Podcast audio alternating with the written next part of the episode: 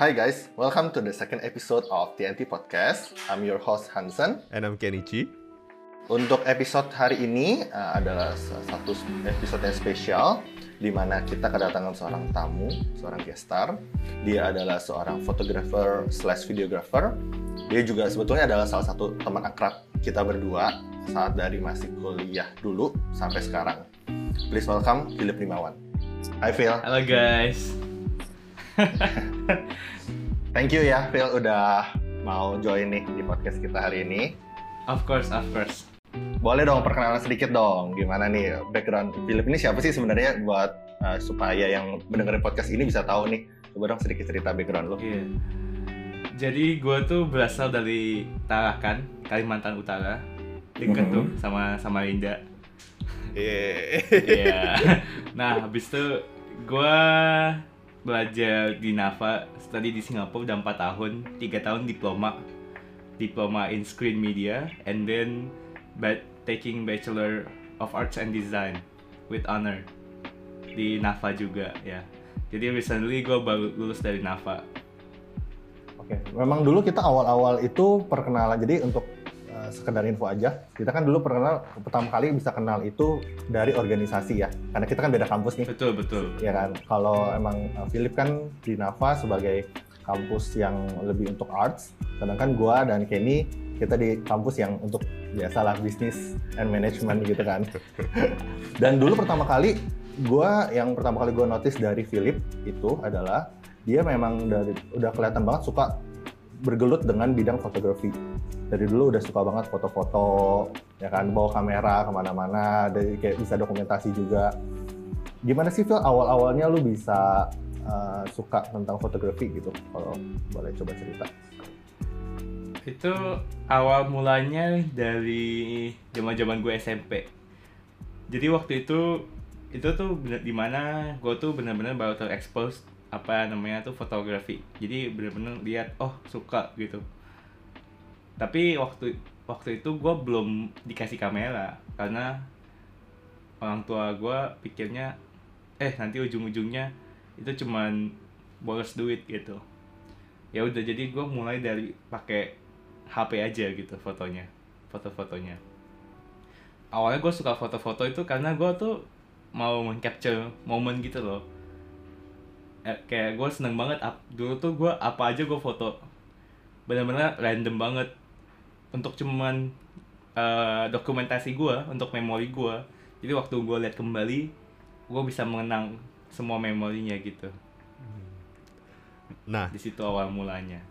Uh, for me personally ya, Philip ini bukan bukan cuma teman akrab juga, uh, bukan cuma teman akrab gua ya, karena uh, from we know we know each other from 2016 right?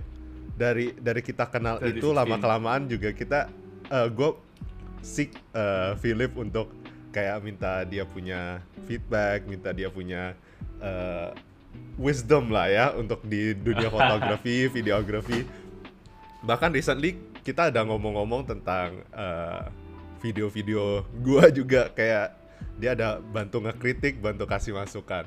Nah, tadi lu ada ngomong nih Phil, lu masuk ke dunia fotografi ini karena you want to know, uh, you want to take moments, to capture moments yang ngena banget juga ya, bisa tell a story and all that.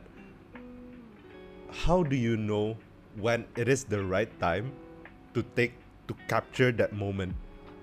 Karena kan sebagai videogra sebagai fotografer slash filmmaker gitu ya, mendapatkan momen yang dapat banget feelnya itu nggak mungkin segampang itu juga dong.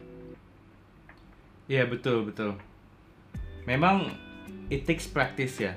Hmm. Karena kalau lihat memori gua, gua kan gak pernah hapus foto gua. Itu tuh udah nggak tahu berapa banyak foto lagi udah nggak terhitung. Which is berarti lu butuh practice untuk to be good at capturing something. Hmm. Tapi typically tergantung type of photography. Hmm. Kalau yang yang gue do for hobby business streets memang uh, you have to wait sih and you gotta feel the environment aja gitu misalnya kalau you wanna you in your head misalnya lu pikirkan oh you want the image to be like this Misalnya you foto sat, lorong satu lorong gitu, tapi kalau lorong aja kan bosan. So Iya, you wait if there is a person walk inside the frame and then you capture it gitu. Yeah, so I think to be patient is the key juga ya. Ah, oke oke. Dan itu sebenarnya tedious proses juga kan, nggak menunggu untuk momen begitu itu nggak nggak gampang loh. It takes a lot of patience to get Nggak gampang. one moment, that right moment itu tedious banget. Iya iya. Ada nggak sih Betul, betul. satu foto yang selama lu uh, in this journey of photography, filmmaking, videography, ada nggak satu momen satu photograph yang bener-bener lu rasa capture the essence, capture the story yang bener-bener membanggakan lu dan setiap kali orang ngomong tentang fotografi gitu pasti lu mention this this one photograph. Oke. I think if kayak gue cerita about photography, I show a lot of pictures. Tapi yang I remember it's always ke mention itu adalah foto ketika gue lagi di Gunung Bromo. Jadi I'm I'm capturing my cousin's eye gitu. Hmm. Jadi matanya. Jadi I I'm capturing sunset eh not sunset sorry sunrise Hmm. through her eyes gitu. Nah, menurut gue itu itu memang momennya nggak bisa didapat sembarangan apalagi di atas gunung gitu loh Hmm. nggak gampang juga untuk capture fotonya since kayak di atas sana dingin banget tangan gue udah shaky banget dan banyak angin si modelnya juga tuh yang Iya. di foto fotonya udah udah nggak udah kan dingin banget kan terus iya iya. ya pokoknya gitulah ya Hmm. tapi I just kalau story wise ya simple aja sih that moment kayak you go on a mountain you witness a sunrise gitu I think it's just Hmm. beautiful aja gitu simple Hmm. and beautiful gitu Oke oke. Dan Iya. sebenarnya kita ngomong tentang yang trip lu ke Bromo itu juga sebenarnya kalau Yeah. for me ya one of the most amazing picture that that, that you've showed me itu astrofotografinya di Bromo itu wah. Aduh setiap kali gue lihat itu rasanya "Hmm, gimana caranya ya? Cause I've tried this. Iya, I've tried I've tried astro astrofotografi. Itu untuk dapat fokus yang benar pun itu susahnya minta ampun loh. Betul betul. Iya. Wah, itu benar-benar gue kayak setiap dan ini ada di Pujungan juga ya. Lu juga ada masukin astrofotografi juga selipin dikit Iya, gitu. iya. ya di Pujungan sedikit berbeda karena nggak ada nggak ada Milky Way-nya dan agak lebih terang ya. Kalau di Bromo Iya. itu bener-bener kalau lu nggak pakai lampu, lu tuh juga nggak bisa lihat tangan lu aja lu nggak bisa lihat gitu, saking gelapnya. Tapi kalau dari gua personally ya, kalau gua melihat Philip, jadi untuk capturing moments ini, ini sharing aja ya, sharing dari sisi gua ya. Gua gua gua pernah ada trip bareng juga sama Philip, di mana dia itu ke satu pulau. Kalau mungkin yang dengerin podcast ini pernah dengar Pulau Pecung, itu di sana memang Philip seperti biasa dia datang dengan kameranya ya kan dia selalu prepare dia malah gue rasa dia lebih prepare about buat camera gear and everything itu dibandingkan bajunya gue rasa. Bajunya itu kayak cuma satu tas tapi tapi untuk fotografinya itu dia lebih jauh lebih niat gitu kan. Terus gue lihat nih satu kali momen di mana dia kita kan ngelakuin aktivitas seperti biasa gitu kan. Kita mau bantuin di sana segala macam and then dia tetap dengan kameranya terus juga um, dia random aja gue gue melihat dia kayak dia foto foto foto apa sih? gitu. Apa sih yang mereka foto apa sih yang dia tunggu gitu kan dan ini cocok banget ketika tiba-tiba pas was singkat cerita udah selesai nih caranya kan. And then dia send lah semua foto-foto yang ada di sana kan. Ada satu foto yang menarik banget itu adalah di mana Philip ini dia foto kayak anak kecil lagi main. Itu pernah simpel banget cuma anak kecil lagi main di lapangan. Dia lagi senyum even dia nggak lihat kamera tetapi kalau gue lihat lihat hasil fotonya itu gue bisa langsung kayak inget memori-memori pas gue lagi uh, acara di sana gitu kan. Terus gue bisa ngeliat gila dari satu foto ini when you can capture it in the right time itu bisa jadi satu foto yang nggak cuman foto biasa itu bisa menjadi suatu uh, kayak memory yang bisa membekas banget buat kita. Dan itu gue rasa itu juga bukan suatu hal yang mudah gitu kan buat lu untuk bisa Betul, dapet satu momen yang pas banget ya kan juga bukan suatu even ini bukan model gitu bukan kayak model yang jadi di, ada di in frame foto lu tapi itu bisa bikin orang kayak bisa merasakan lah lu bisa tahu lah auranya ada di sana gitu Mm-mm. Terus itu keren banget sih. Itu itu yang gue suka pertama kali sih. Jadi gue dan gue tuh honest jadi lumayan sedikit tertarik tentang fotografi karena Philip. Oh iya, iya, iya. Gila. Tuh honest gue gue bener-bener satu orang yang awam. Jadi gue cuma tahu foto ya udah foto gitu kan. Hmm. Tapi gue jadi bisa tahu gue harus bisa uh, apa misalnya dari satu hal foto biasa yang kita pikir nggak bakal bagus ternyata bisa dibikin jadi lebih berisi lah anggapannya gitu. Iya. Dan itu keren banget sih. Gue suka. itu juga yang membedakan mungkin ya seorang fotografer dengan orang-orang yang cuma hobi fotografer itu adalah storyteller ya Phil ya Iya iya iya. Kalau emang sebenarnya kalau you want to elevate your photography or videography, always think about the story gitu. Hmm. Always go to the story gitu. Hmm. Ya personally for me ya, awalnya juga gua kan suka foto-foto aja tuh kayak capture any moment. Pokoknya gua misalnya gua ke suatu tempat Hmm. sama Rinda misalnya. Gue foto ditunggu. aja apa yang apa aja yang gue lakukan di sana gue foto aja gitu loh. Hmm. Nah, memang fotonya gue mungkin jarang lihat, tapi waktu gue lihat itu tuh bener-bener kayak nginget mengingat gue ke masa masa gue di sana gitu. Nah, dengan gue belajar fotografi, gue tuh lebih elevate the photo, the feel, the frame semuanya. Jadi nggak cuman kayak kayak potato quality dari HP misalnya cuma cek gitu. Tapi a- lebih ada vibe dan feel-nya aja gitu dengan Hmm. kamera karena bisa ganti-ganti lensa dan segala macam gitu. Dan itu yang sering kali Iya. juga uh, Philip juga ada ngomong kayak pernah gue compliment this one kayak certain pictures that he took kayak pernah foto di bus ya di bus atau MRT gitu. My first reaction itu udah bagus gitu loh. Tapi reaction pertama dari Philip ngedengar komplimen itu pasti lu dari foto ini bisa dapat apa kan story-nya apa di balik ini? Kalau misalnya lu interpret foto ini story-nya apa sih? Dan itu kayak at that moment gua rasa oh ngena banget nih. Ini ini nggak semua orang mikirin. Kayak sama ini kan gua jujur ya rasa kalau gua ambil foto itu just just take a picture. It's all about taking picture. Mhm. terus uh, about luck juga. Karena kan ujung-ujungnya nggak nggak tentu kita bisa dapat momen yang pas juga kan dan ujung-ujungnya ntar pas di Betul, rumah pas editing baru bisa oh ini ini satu foto yang benar-benar wow tapi seorang photographer itu it's all about waiting for that perfect moment no ma- you have to be patient Iya. Oke, and then selain fotografi, mungkin lu juga ada do something. Berarti lu starting from photography, right? Lu Yeah, mulai I dari iseng foto-foto. And then uh, lu juga kan selain taking foto, lu juga pasti akan bikin video juga kan. Dan cukup Betul. banyak video lu yang uh, lu bikin, ya kan? Lu lu pasti create itu juga nggak sembarangan, gitu kan? And pasti itu kan ada kayak gimana cara prosesnya segala macam gitu kan. So biasanya kalau untuk lu starting dari untuk bikin video kayak apa sih yang lu siapkan sebetulnya? How do you plan your video for your project misalnya? Oke. Startingnya gimana sih biasanya? Iya.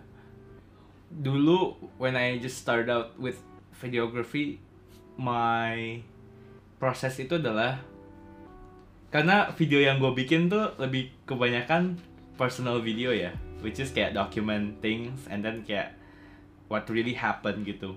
So my videography style tuh er- oriented around documentary more than kayak short film gitu.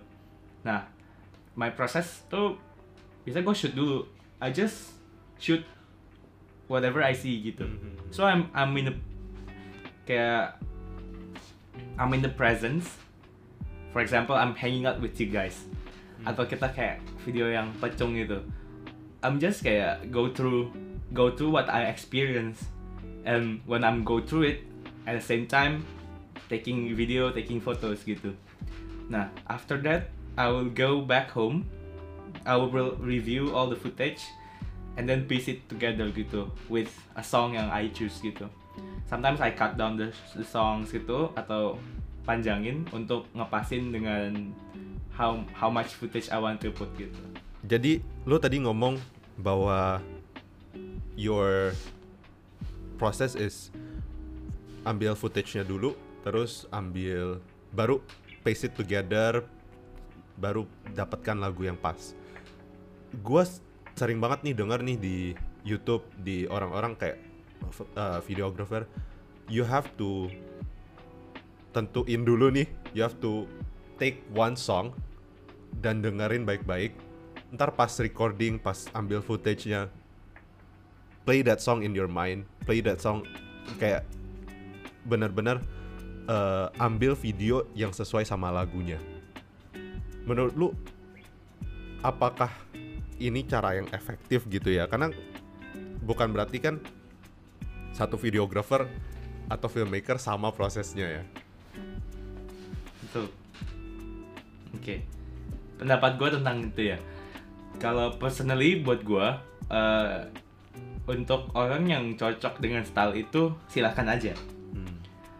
Tapi yang gue ngebayangin itu adalah kalau personally buat gue ya dan apa yang gue pelajari, ayo mungkin kalau dari awal tuh gue selalu kalau dari awal videografi gue tuh selalu take footage, then choose song, baru edit gitu. Hmm, hmm, hmm. Nah, tapi gue sekarang mulai ke approach-nya adalah footage-nya dulu di it together, baru find the song gitu.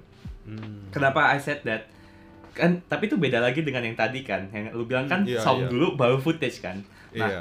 kalau menurut gue kalau song dulu baru footage, lu tuh waktu you're in the moment, mungkin apa yang lu pikirkan itu adalah lagunya ya, kan? Hmm, hmm, lu kayak oh ya gue mau kayak gini nih lagunya wah kayak gini you're taking away the the pure moment gak sih Hmm. Jadi kayak ya jadi melimit yourself. Kayak you you limit yourself pokoknya harus kayak gini. Nah sedangkan kalau you wanna approach yang kayak uh, ori bukan original ya kayak pure and kayak memang bener-bener uh, reflect that moment you have to be in that moment gitu loh. Hmm. kalau menurut gue gitu. Dan karena editing tuh nggak ada limitation ya. Hmm. tapi when you are in the moment that moment will never back gitu loh. Ngerti nggak jadi I should you should focus on living menurut gue Mhm. Di I think you said this to me before. Uh, you've always stand by this principle di mana when you shoot, you shoot like a videographer. When you edit, you edit like an an editor. When you direct itu kayak director. Uh, if I remember correctly, correct me lah. Kayak gimana sih? Nah itu itu tuh I just recently learned it. I I learned it from this project Pujungan because it's for my degree kan. Dan that that is the hardest thing kayak I've learned tuh adalah breaking breakthrough from myself ya, from my old self ya. Karena that's what my lecturer told me gitu. You have when you are kan this is solo project of course Yeah. when you're a director you be a director gitu. When you edit be an editor gitu. Why why he said that? Basically karena waktu lu direct lu kan mikir semuanya about Hmm, hmm. how you want a story to be like gitu. Why can't you be director when you edit? Because kalau nggak filmnya nggak bakal selesai selesai. Karena you always you always kayak pikir ini oh ini bagus ini bagus ini bagus. Jadinya progresnya tuh lambat banget. Sedangkan kalau editor they edit based on the script gitu loh. Based on what you you already tentukan. Misalnya Hmm, hmm. as a director gue harus menentukan dulu oh gue mau ceritanya seperti ini. So I write down the script. After that I have to call my editor which is me myself juga to edit based on the script gitu. Jadi nggak Yeah. nggak ke mana-mana. Nanti after I finish edit based on the script then I become the director again to kayak review gitu the edit.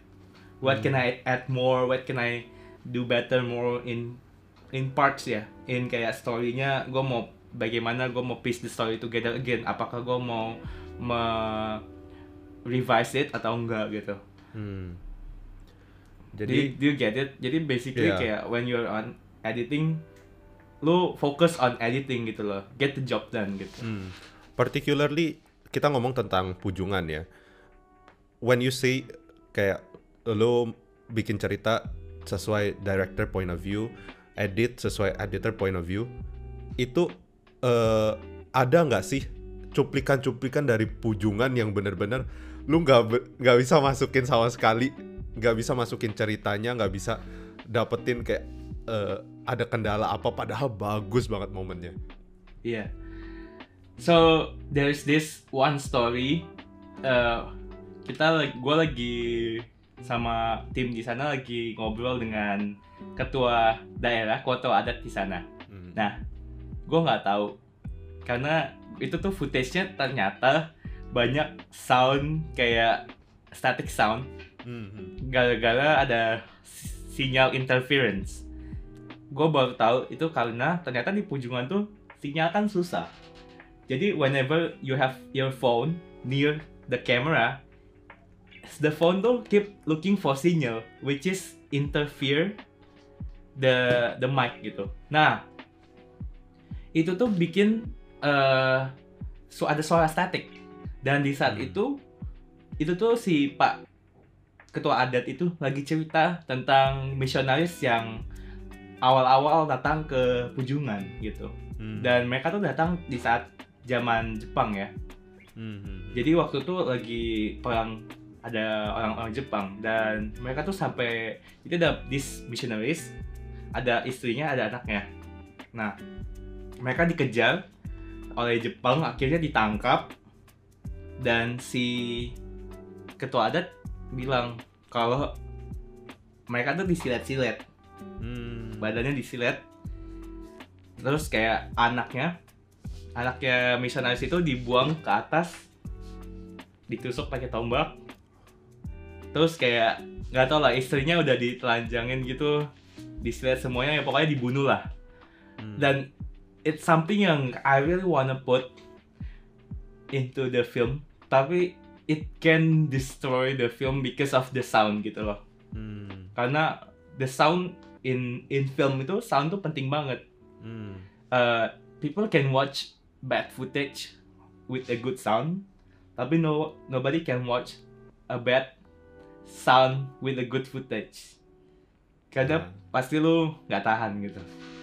Ini yang ini yang harus pen- Iya. eh, future future filmmaker, future videographer, photographer ini harus stand by this this very point. Jadi audio itu is basically the king lah ya.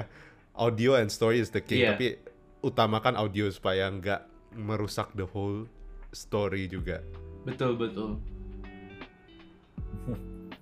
Terus berarti pas lu menghadapi kejadian kayak gitu, for example yang pujungan tadi, kan berarti pasti lu menyayangkan banget dong sebetulnya itu kan satu Iya, hal yang betul. bagus pengen lu sampaikan.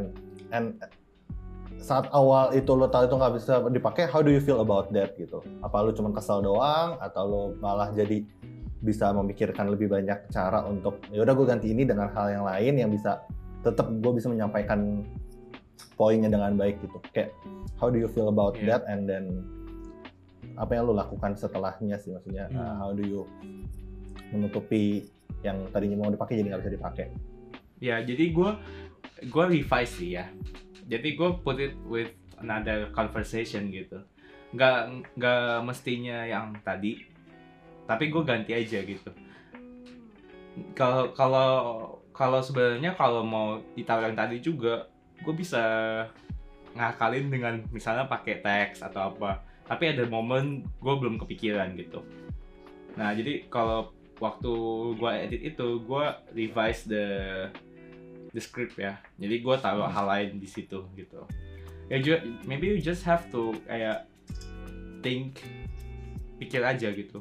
And sometimes when you're stuck, misalnya lu nggak tahu ini tuh harus taruh apa, you have to kayak get away from editing itself gitu. Jadi kayak keluar, kayak makan, jalan-jalan, apa kayak jogging atau apa, and then come back gitu dan your mind tuh will be fresh gitu lebih fresh untuk kayak take a new perspective gitu. Hmm. Oke. Berarti masih bisa ke handle lah ya anggapannya ya. Jadi nggak benar-benar Iya, bisa, stuck bisa. satu hal itu doang. Oke. Iya. Terus juga tadi kan lo mention nih, itu kan ada beberapa hal kayak misalnya ternyata uh, nggak bisa dipakai nih. Itu berarti salah satu kendala kan, salah satu kendala. betul betul Terus- kendala Iya kan. Kendala menurut lo ada nggak sih kendala lain yang lo rasakan saat lo misalnya lagi mau di saat di sana gitu kan? Karena pasti menurut gua Pujungan kan bukan suatu uh, tempat yang berbeda lah. Maksudnya itu suatu suatu lokasi yang berbeda, nggak seperti kita yang misalnya kalau di kota, karena itu kan dia sempat di, di sebuah kayak suatu pulau gitu kan. Selain difficulty tentang itu, apalagi sih yang lo rasakan atau yang lo waktu itu ra- yang lo dap, yang lo lewati lah untuk bisa at least gue mau tetap nih gue tetap udah plan gue punya plan project gue si pujangnya harus gini gini gini kayak apa sih masalah yang lo hadapin lagi sih selain itu Maksudnya pasti kan biar yang dengar biar tahu juga biar mereka bisa prepare gitu loh kalau misalnya mereka mau do something yang similar sama lo nih Oke, kalau gua I think personally I've not planned it well ya. Jadi kayak sebelum ke sana tuh I'm I'm really confused with what kind of approach I want gitu. Hmm. What kind of kayak type of documentary juga yang I want. Jadi I'm I'm quite confused with what should I do there gitu. Jadi I think pre pre production which is planning itu tuh penting banget gitu.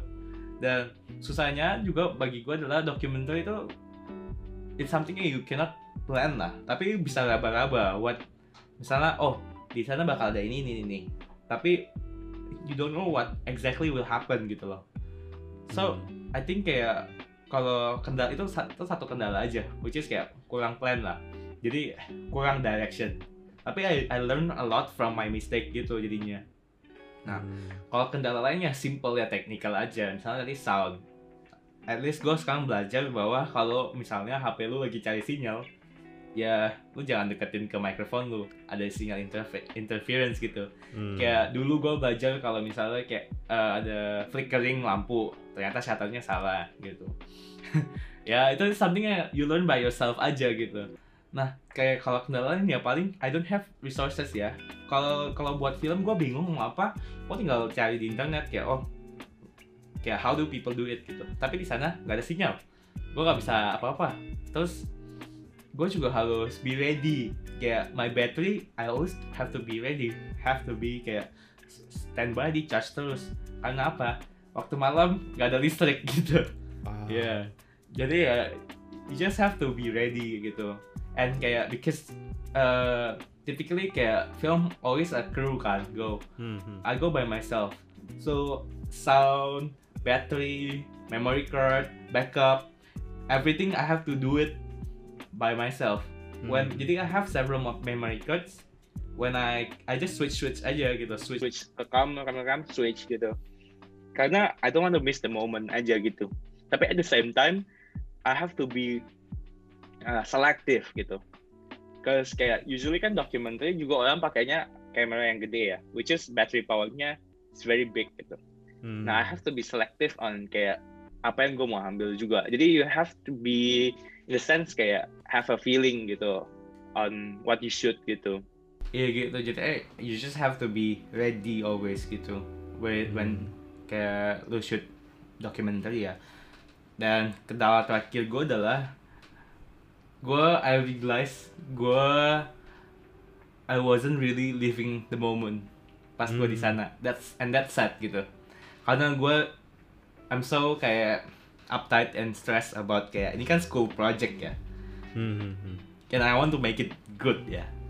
Apalagi school project kan I wanna have a good marks gitu. Jadi maybe what I think is kayak how how the film it will turn turn out how the film will turn out dan it makes itu ada pressure yang membuat gua kehilangan kayak momen-momen when I'm living there. I'm not necessarily kayak hilang banget cuman gua lebih fokus ke video rather than experience-nya gitu loh.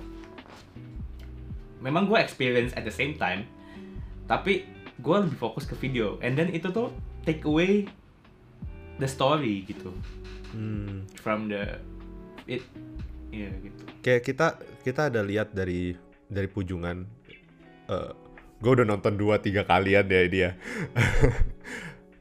Eh, kayak di awal dan di tengah-tengah juga ada lu ada ada dialog dialog sendiri juga. Di mana uh, you're you're at your Singapore room kayak di kamar kos lu juga. Itu dialog itu baru lu bikin setelah uh, proses editing. Setelah lu udah dapet ceritanya udah apa baru lu bisa dapat dialog yang pas atau gimana Phil? Iya, jadi dialog itu ditambahkan ya. Itu Hmm. seperti my reflection aja gitu. I just wanna add a reflection gitu to that word aja gitu. At, at the end kan a film is what you created. Hmm. It's what you wanna share juga. It's a story that you wanna share gitu. It's just a medium gitu. Kayak se- kayak sebenarnya gue cerita sama kalian sekarang itu kan juga udah storytelling. Tapi it's just using a film as a medium to tell a story gitu. And that Hmm. part memang I wanna tell about kayak uh, my journey aja gitu. Kayak itu spoiler ya.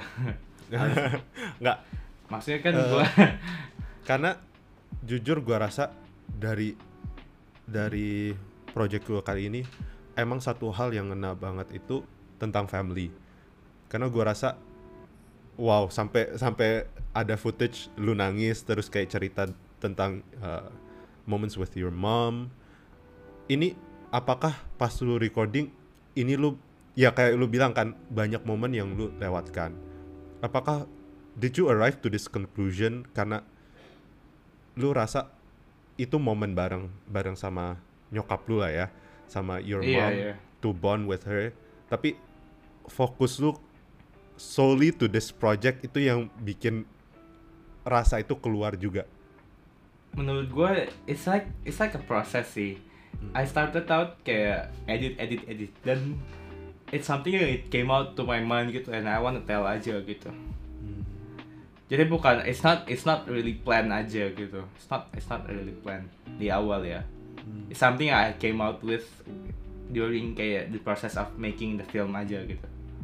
Eh, ini nggak tahu gue mungkin dari sisi gue gue nggak tahu Hansen juga ngerasa yang sama atau enggak Eh, that particular moment when your mom smiles itu gue rasa kayak wah shit. Lu bener-bener menceritakan bahwa itu momen yang emang lu have to treasure. Karena eh aduh gue mau nangis deh. Uh.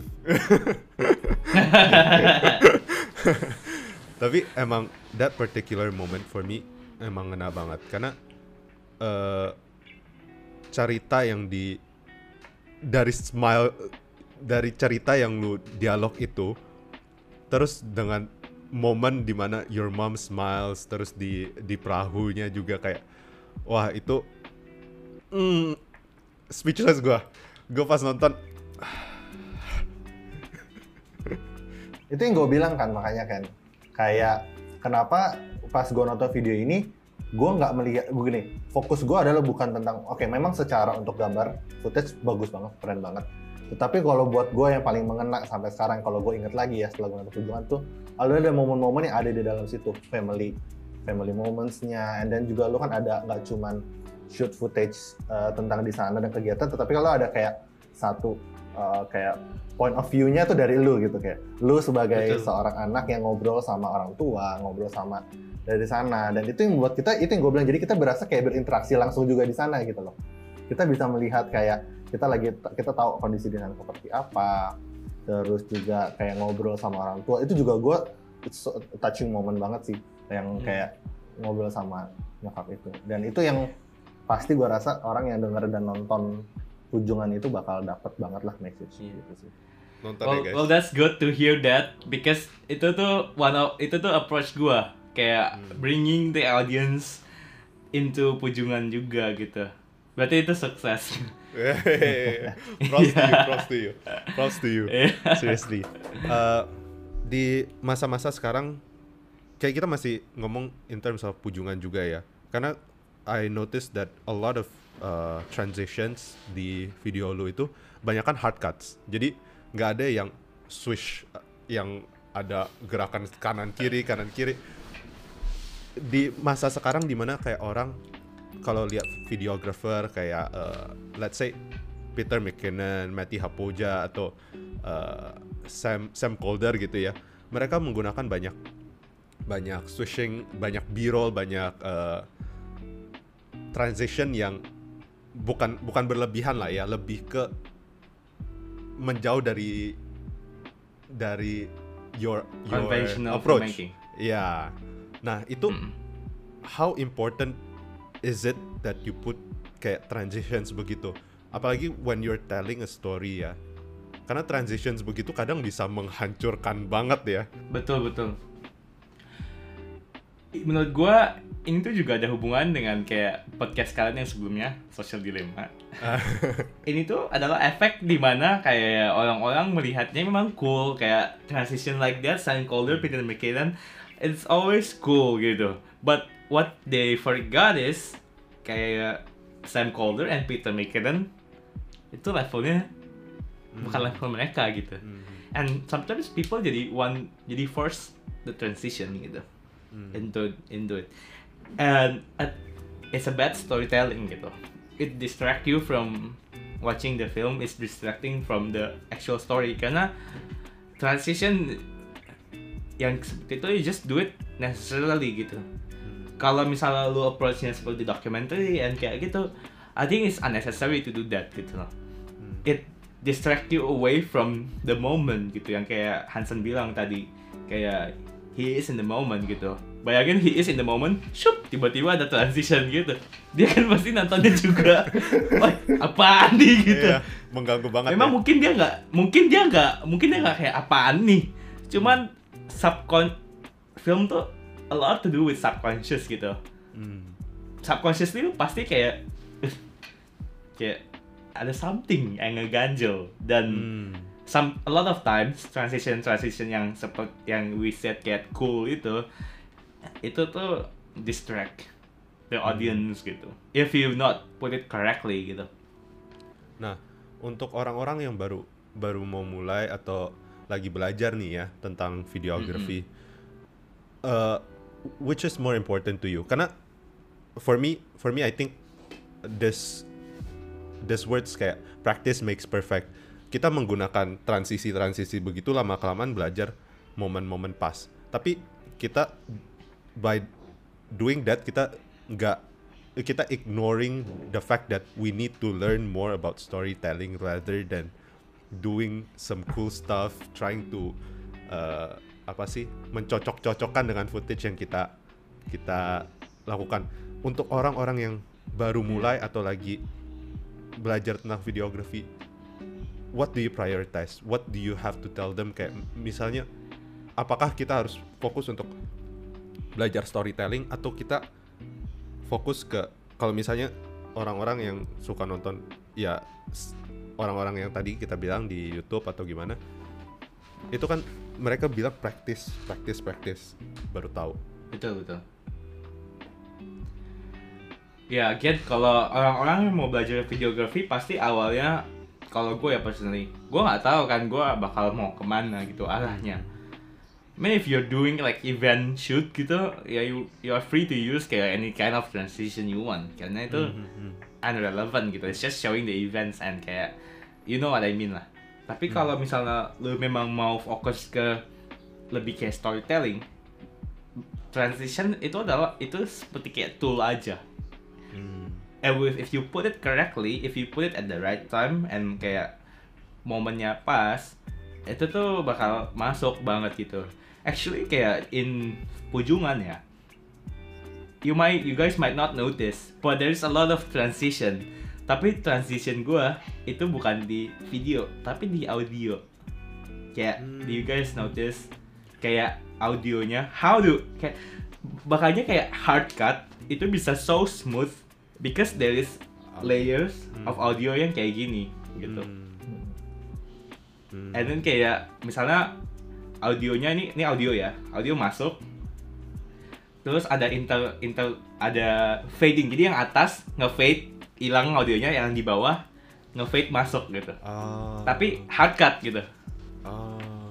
nah ini mungkin Ya itu mungkin itu- satu itu hal yang bisa technical stuff ya. Ah, mungkin satu hal yang bisa bisa ntar ke depannya lu bikinin video ya. Karena kita kalau bahas tentang audio begini cara-caranya wah bakal lama sih. Bakal lama banget. Tapi Iya iya. buat yang interested buat pendengar atau penonton yang interested tolong pressure si Philip untuk bikin video tutorial ya. Karena juga gue gue pasti pressure dia untuk bikinin beginian. Nih Nah, gimana kalau ngomonginnya di podcast selanjutnya? Eh. Jadi gue di-invite lagi. nah boleh banget tuh ya Ya. Ya. Basically it's a technique lah. It's a technique gitu. Oke, gue mau coba tanya nih Kak Philip nih. Kan Mm-mm. berarti kan it's all about uh, proses. It's, kayak tadi juga terakhir lu bilang lu transisinya itu dari apa? Kayak dari audio instead of kayak dari hard uh, cut gitu kan dari videonya. Dan menurut gue itu kan bukan suatu hal yang mudah kan. Itu suatu hal yang lu butuh. Kayak lu punya pemikiran lu, itu kan ide kreatif lu.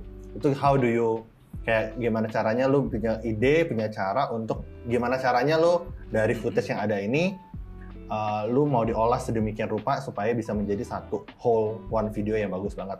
Dan itu kan pasti kan butuh tenaga banget. kan. Itu butuh tenaga, itu capek di pikiran, di badan lu juga.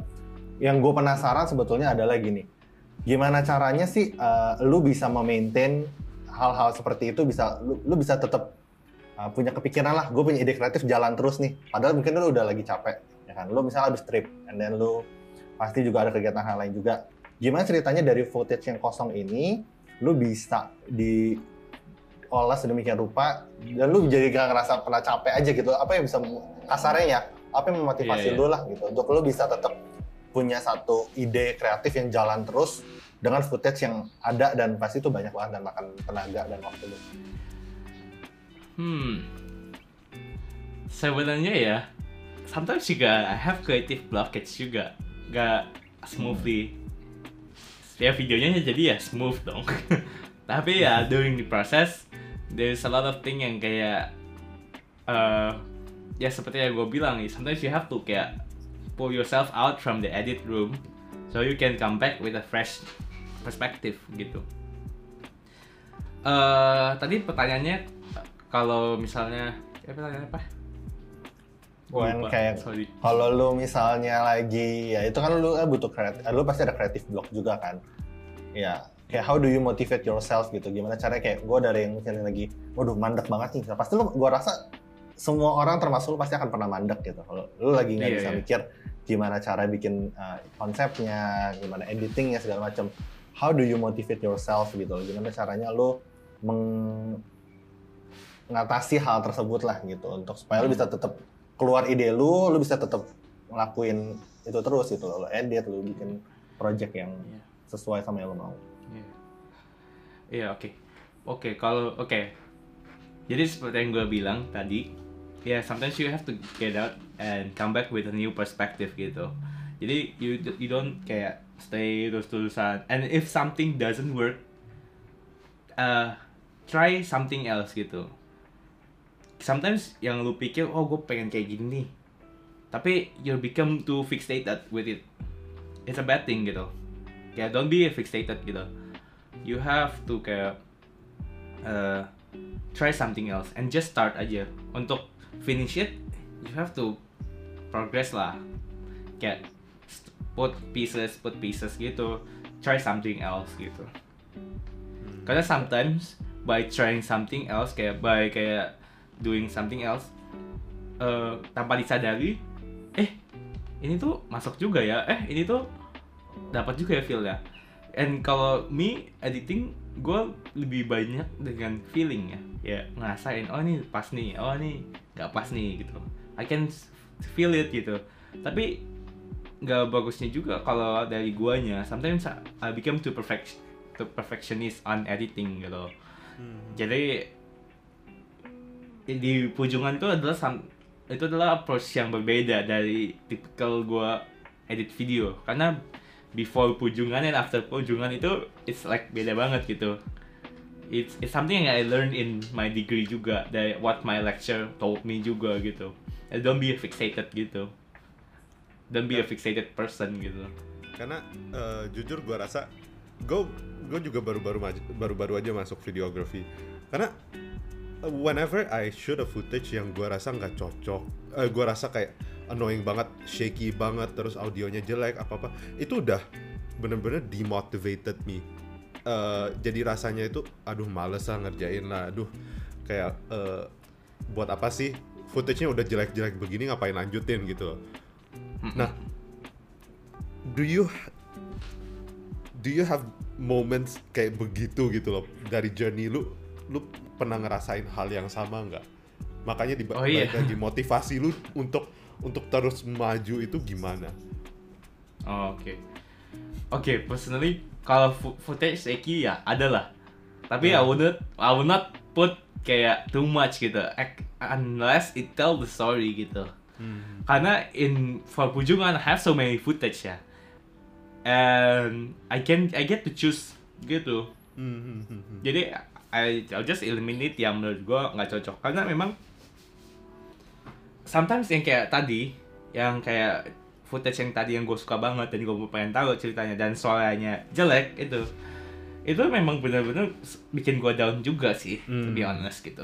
And kayak somehow you have to pull yourself out from that and not be fixated on that gitu. Loh.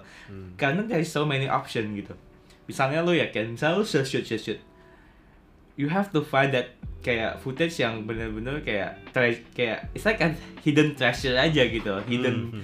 treasure aja. just kayak iya lihat ah, cari aja gitu. Iya. and prosesnya memang tedious.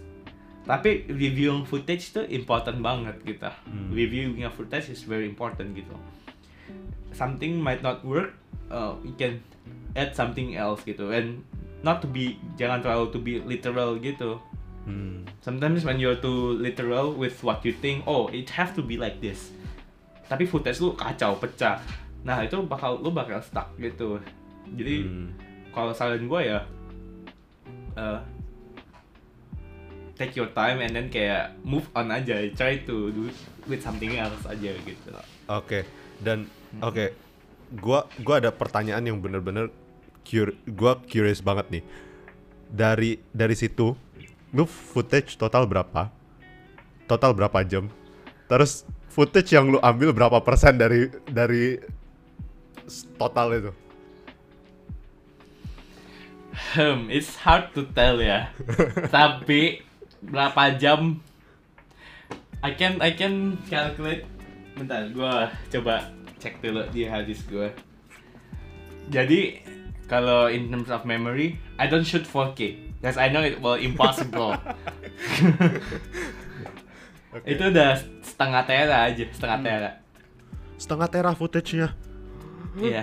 500 giga. Tiga. Iya, iya. Ter, Heeh.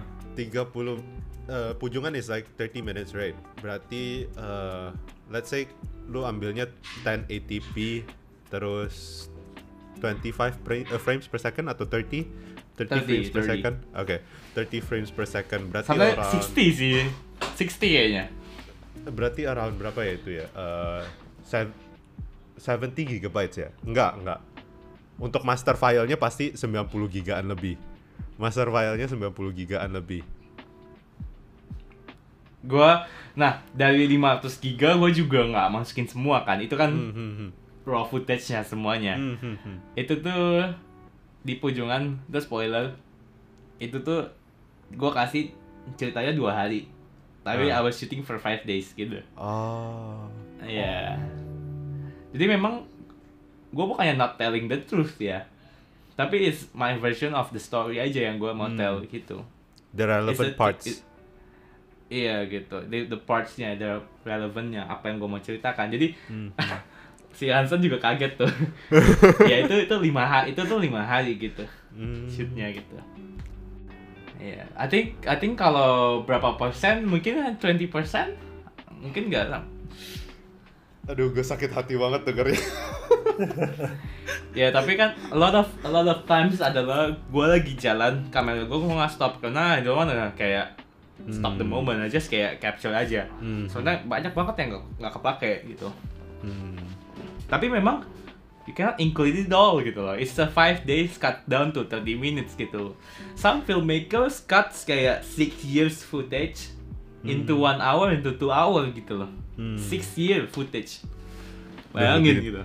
Kalau in terms of that skill kayak aduh baru dengar baru dikasih tahu gitu juga aduh sakit hati banget dengarnya.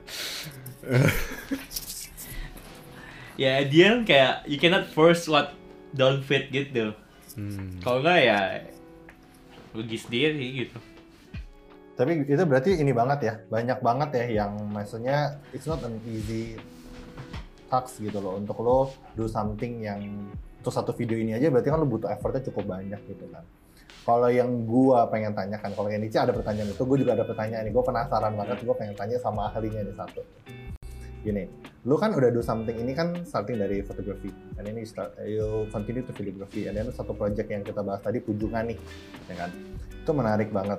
Dan menurut gua buat dari lu sendiri pribadi nih, kalau misalnya ada satu atau dua hal yang lu mau info nih ke pendengar atau penonton YouTube ya podcast kita, apa sih yang harus apa sih ya katanya apa ya mungkin yang yang kira-kira harus di prepare gitu loh. Apa yang harus disiapkan untuk gua misalnya nanti mereka yang denger dan nonton ini pengen coba juga lakuin apa yang lo lakukan.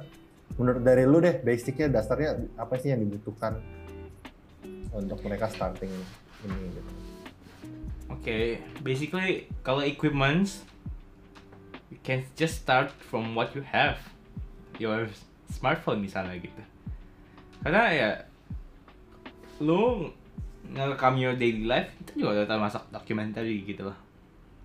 Depends on kayak what is the content you want to make. Jadi before creating something, plan it first gitu. Think about apa sih yang lu mau ceritain, apa sih yang lu mau uh, sampaikan gitu pengalaman apa yang mau lu share gitu and I think kayak ya, of course back to semuanya planning planning is very important and sometimes it's throughout my years it's something yang I forgot to do. Bukan not forget.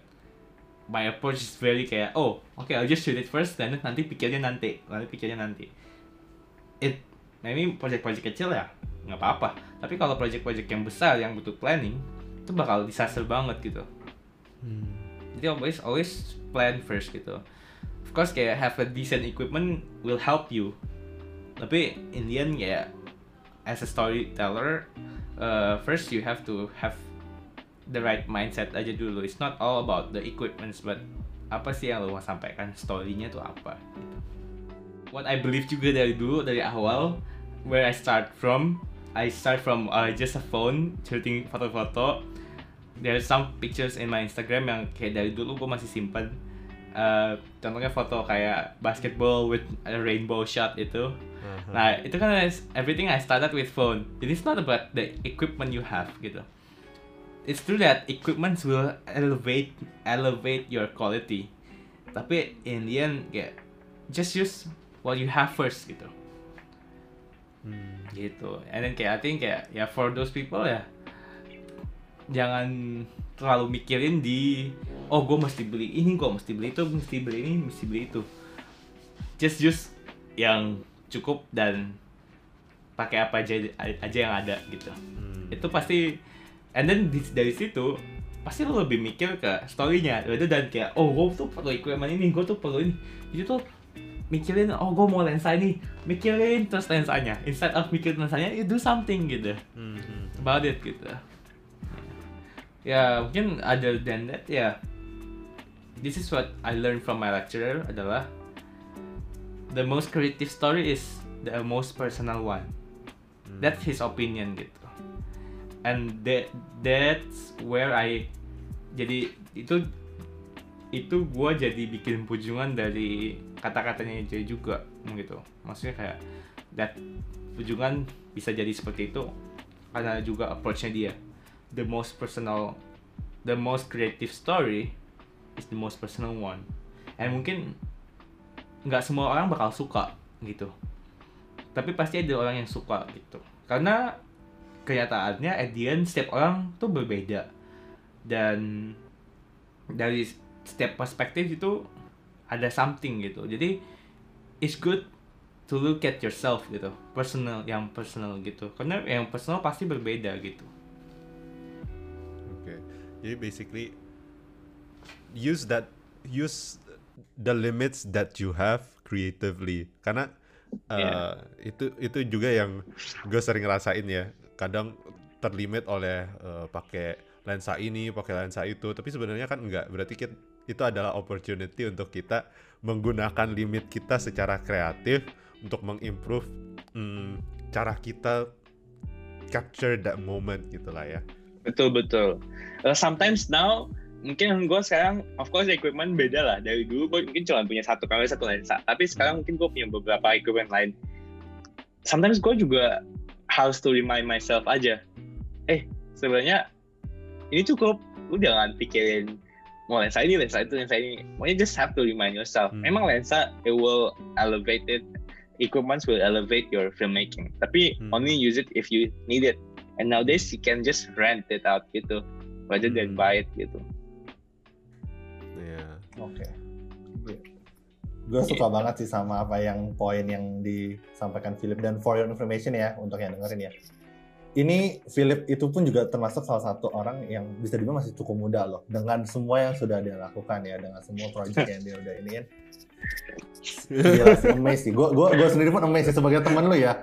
Itu gue amazed banget dengan lu punya ide kreatif gitu kan. Lu punya dengan lu juga masih muda tapi lu udah bisa punya satu pemikiran, satu konsep yang matang banget. Dan ini menurut gua bisa banget untuk semua yang dengerin ini itu kalian bisa banget lah mulai. Nggak ada waktu telat juga untuk uh, mulai sesuatu hal seperti ini sih. Use this as a motivation ya Hansen ya. Iya. Iya that's Siapa good tahu- that's good. Siapa tahu Hansen habis ini mulai syuting-syuting gitu ya. Waduh. Eh. waduh Bentar lagi setelah podcast ini nanti ada gua ada uh, session sendiri sama Philip untuk Oh, belajar basic-basicnya lagi. Seru tuh ya kayaknya. boleh ya. boleh boleh tuh. boleh seru sih, seru banget sih. Beres gue dari perspektif orang yang nggak tahu apa-apa, ini suatu hal yang menarik dan gue amazed sih sebagai teman. Iya. Amazed. gue masih job. ingat sih dulu pas di Pecung gue fotoin Hudson dia kayak seneng banget lihat fotonya yang sama anak-anak itu iya itu yang gue itu yang Iya, gue kan? bilang jadi memang terkadang dari satu foto apa it's it's not just about a photo gitu pas lu lihat itu lu bisa jadi satu momen yang berharga banget gitu dan gue aja nggak expect bakal sebagus itu gitu gue kira itu foto-foto yang biasa tapi pas gue lihat lebih dalam itu ada elemen-elemen yang membuat lu tuh bisa gila ini something bukan yang cuman ini doang lah bukan cuman nah just a regular photo tapi ini suatu momen yang bisa lu ingat sampai seterusnya sih Hmm. Iya. keren sih that's itu benar-benar membuat gue seneng juga ya as a person ketika gue experience something with other people and I capture the moment those people kayak mungkin not necessarily remember me ya tapi they remember the photo gitu and hopefully they remember me kayak oh this is a picture that kayak Philip taken gitu and it's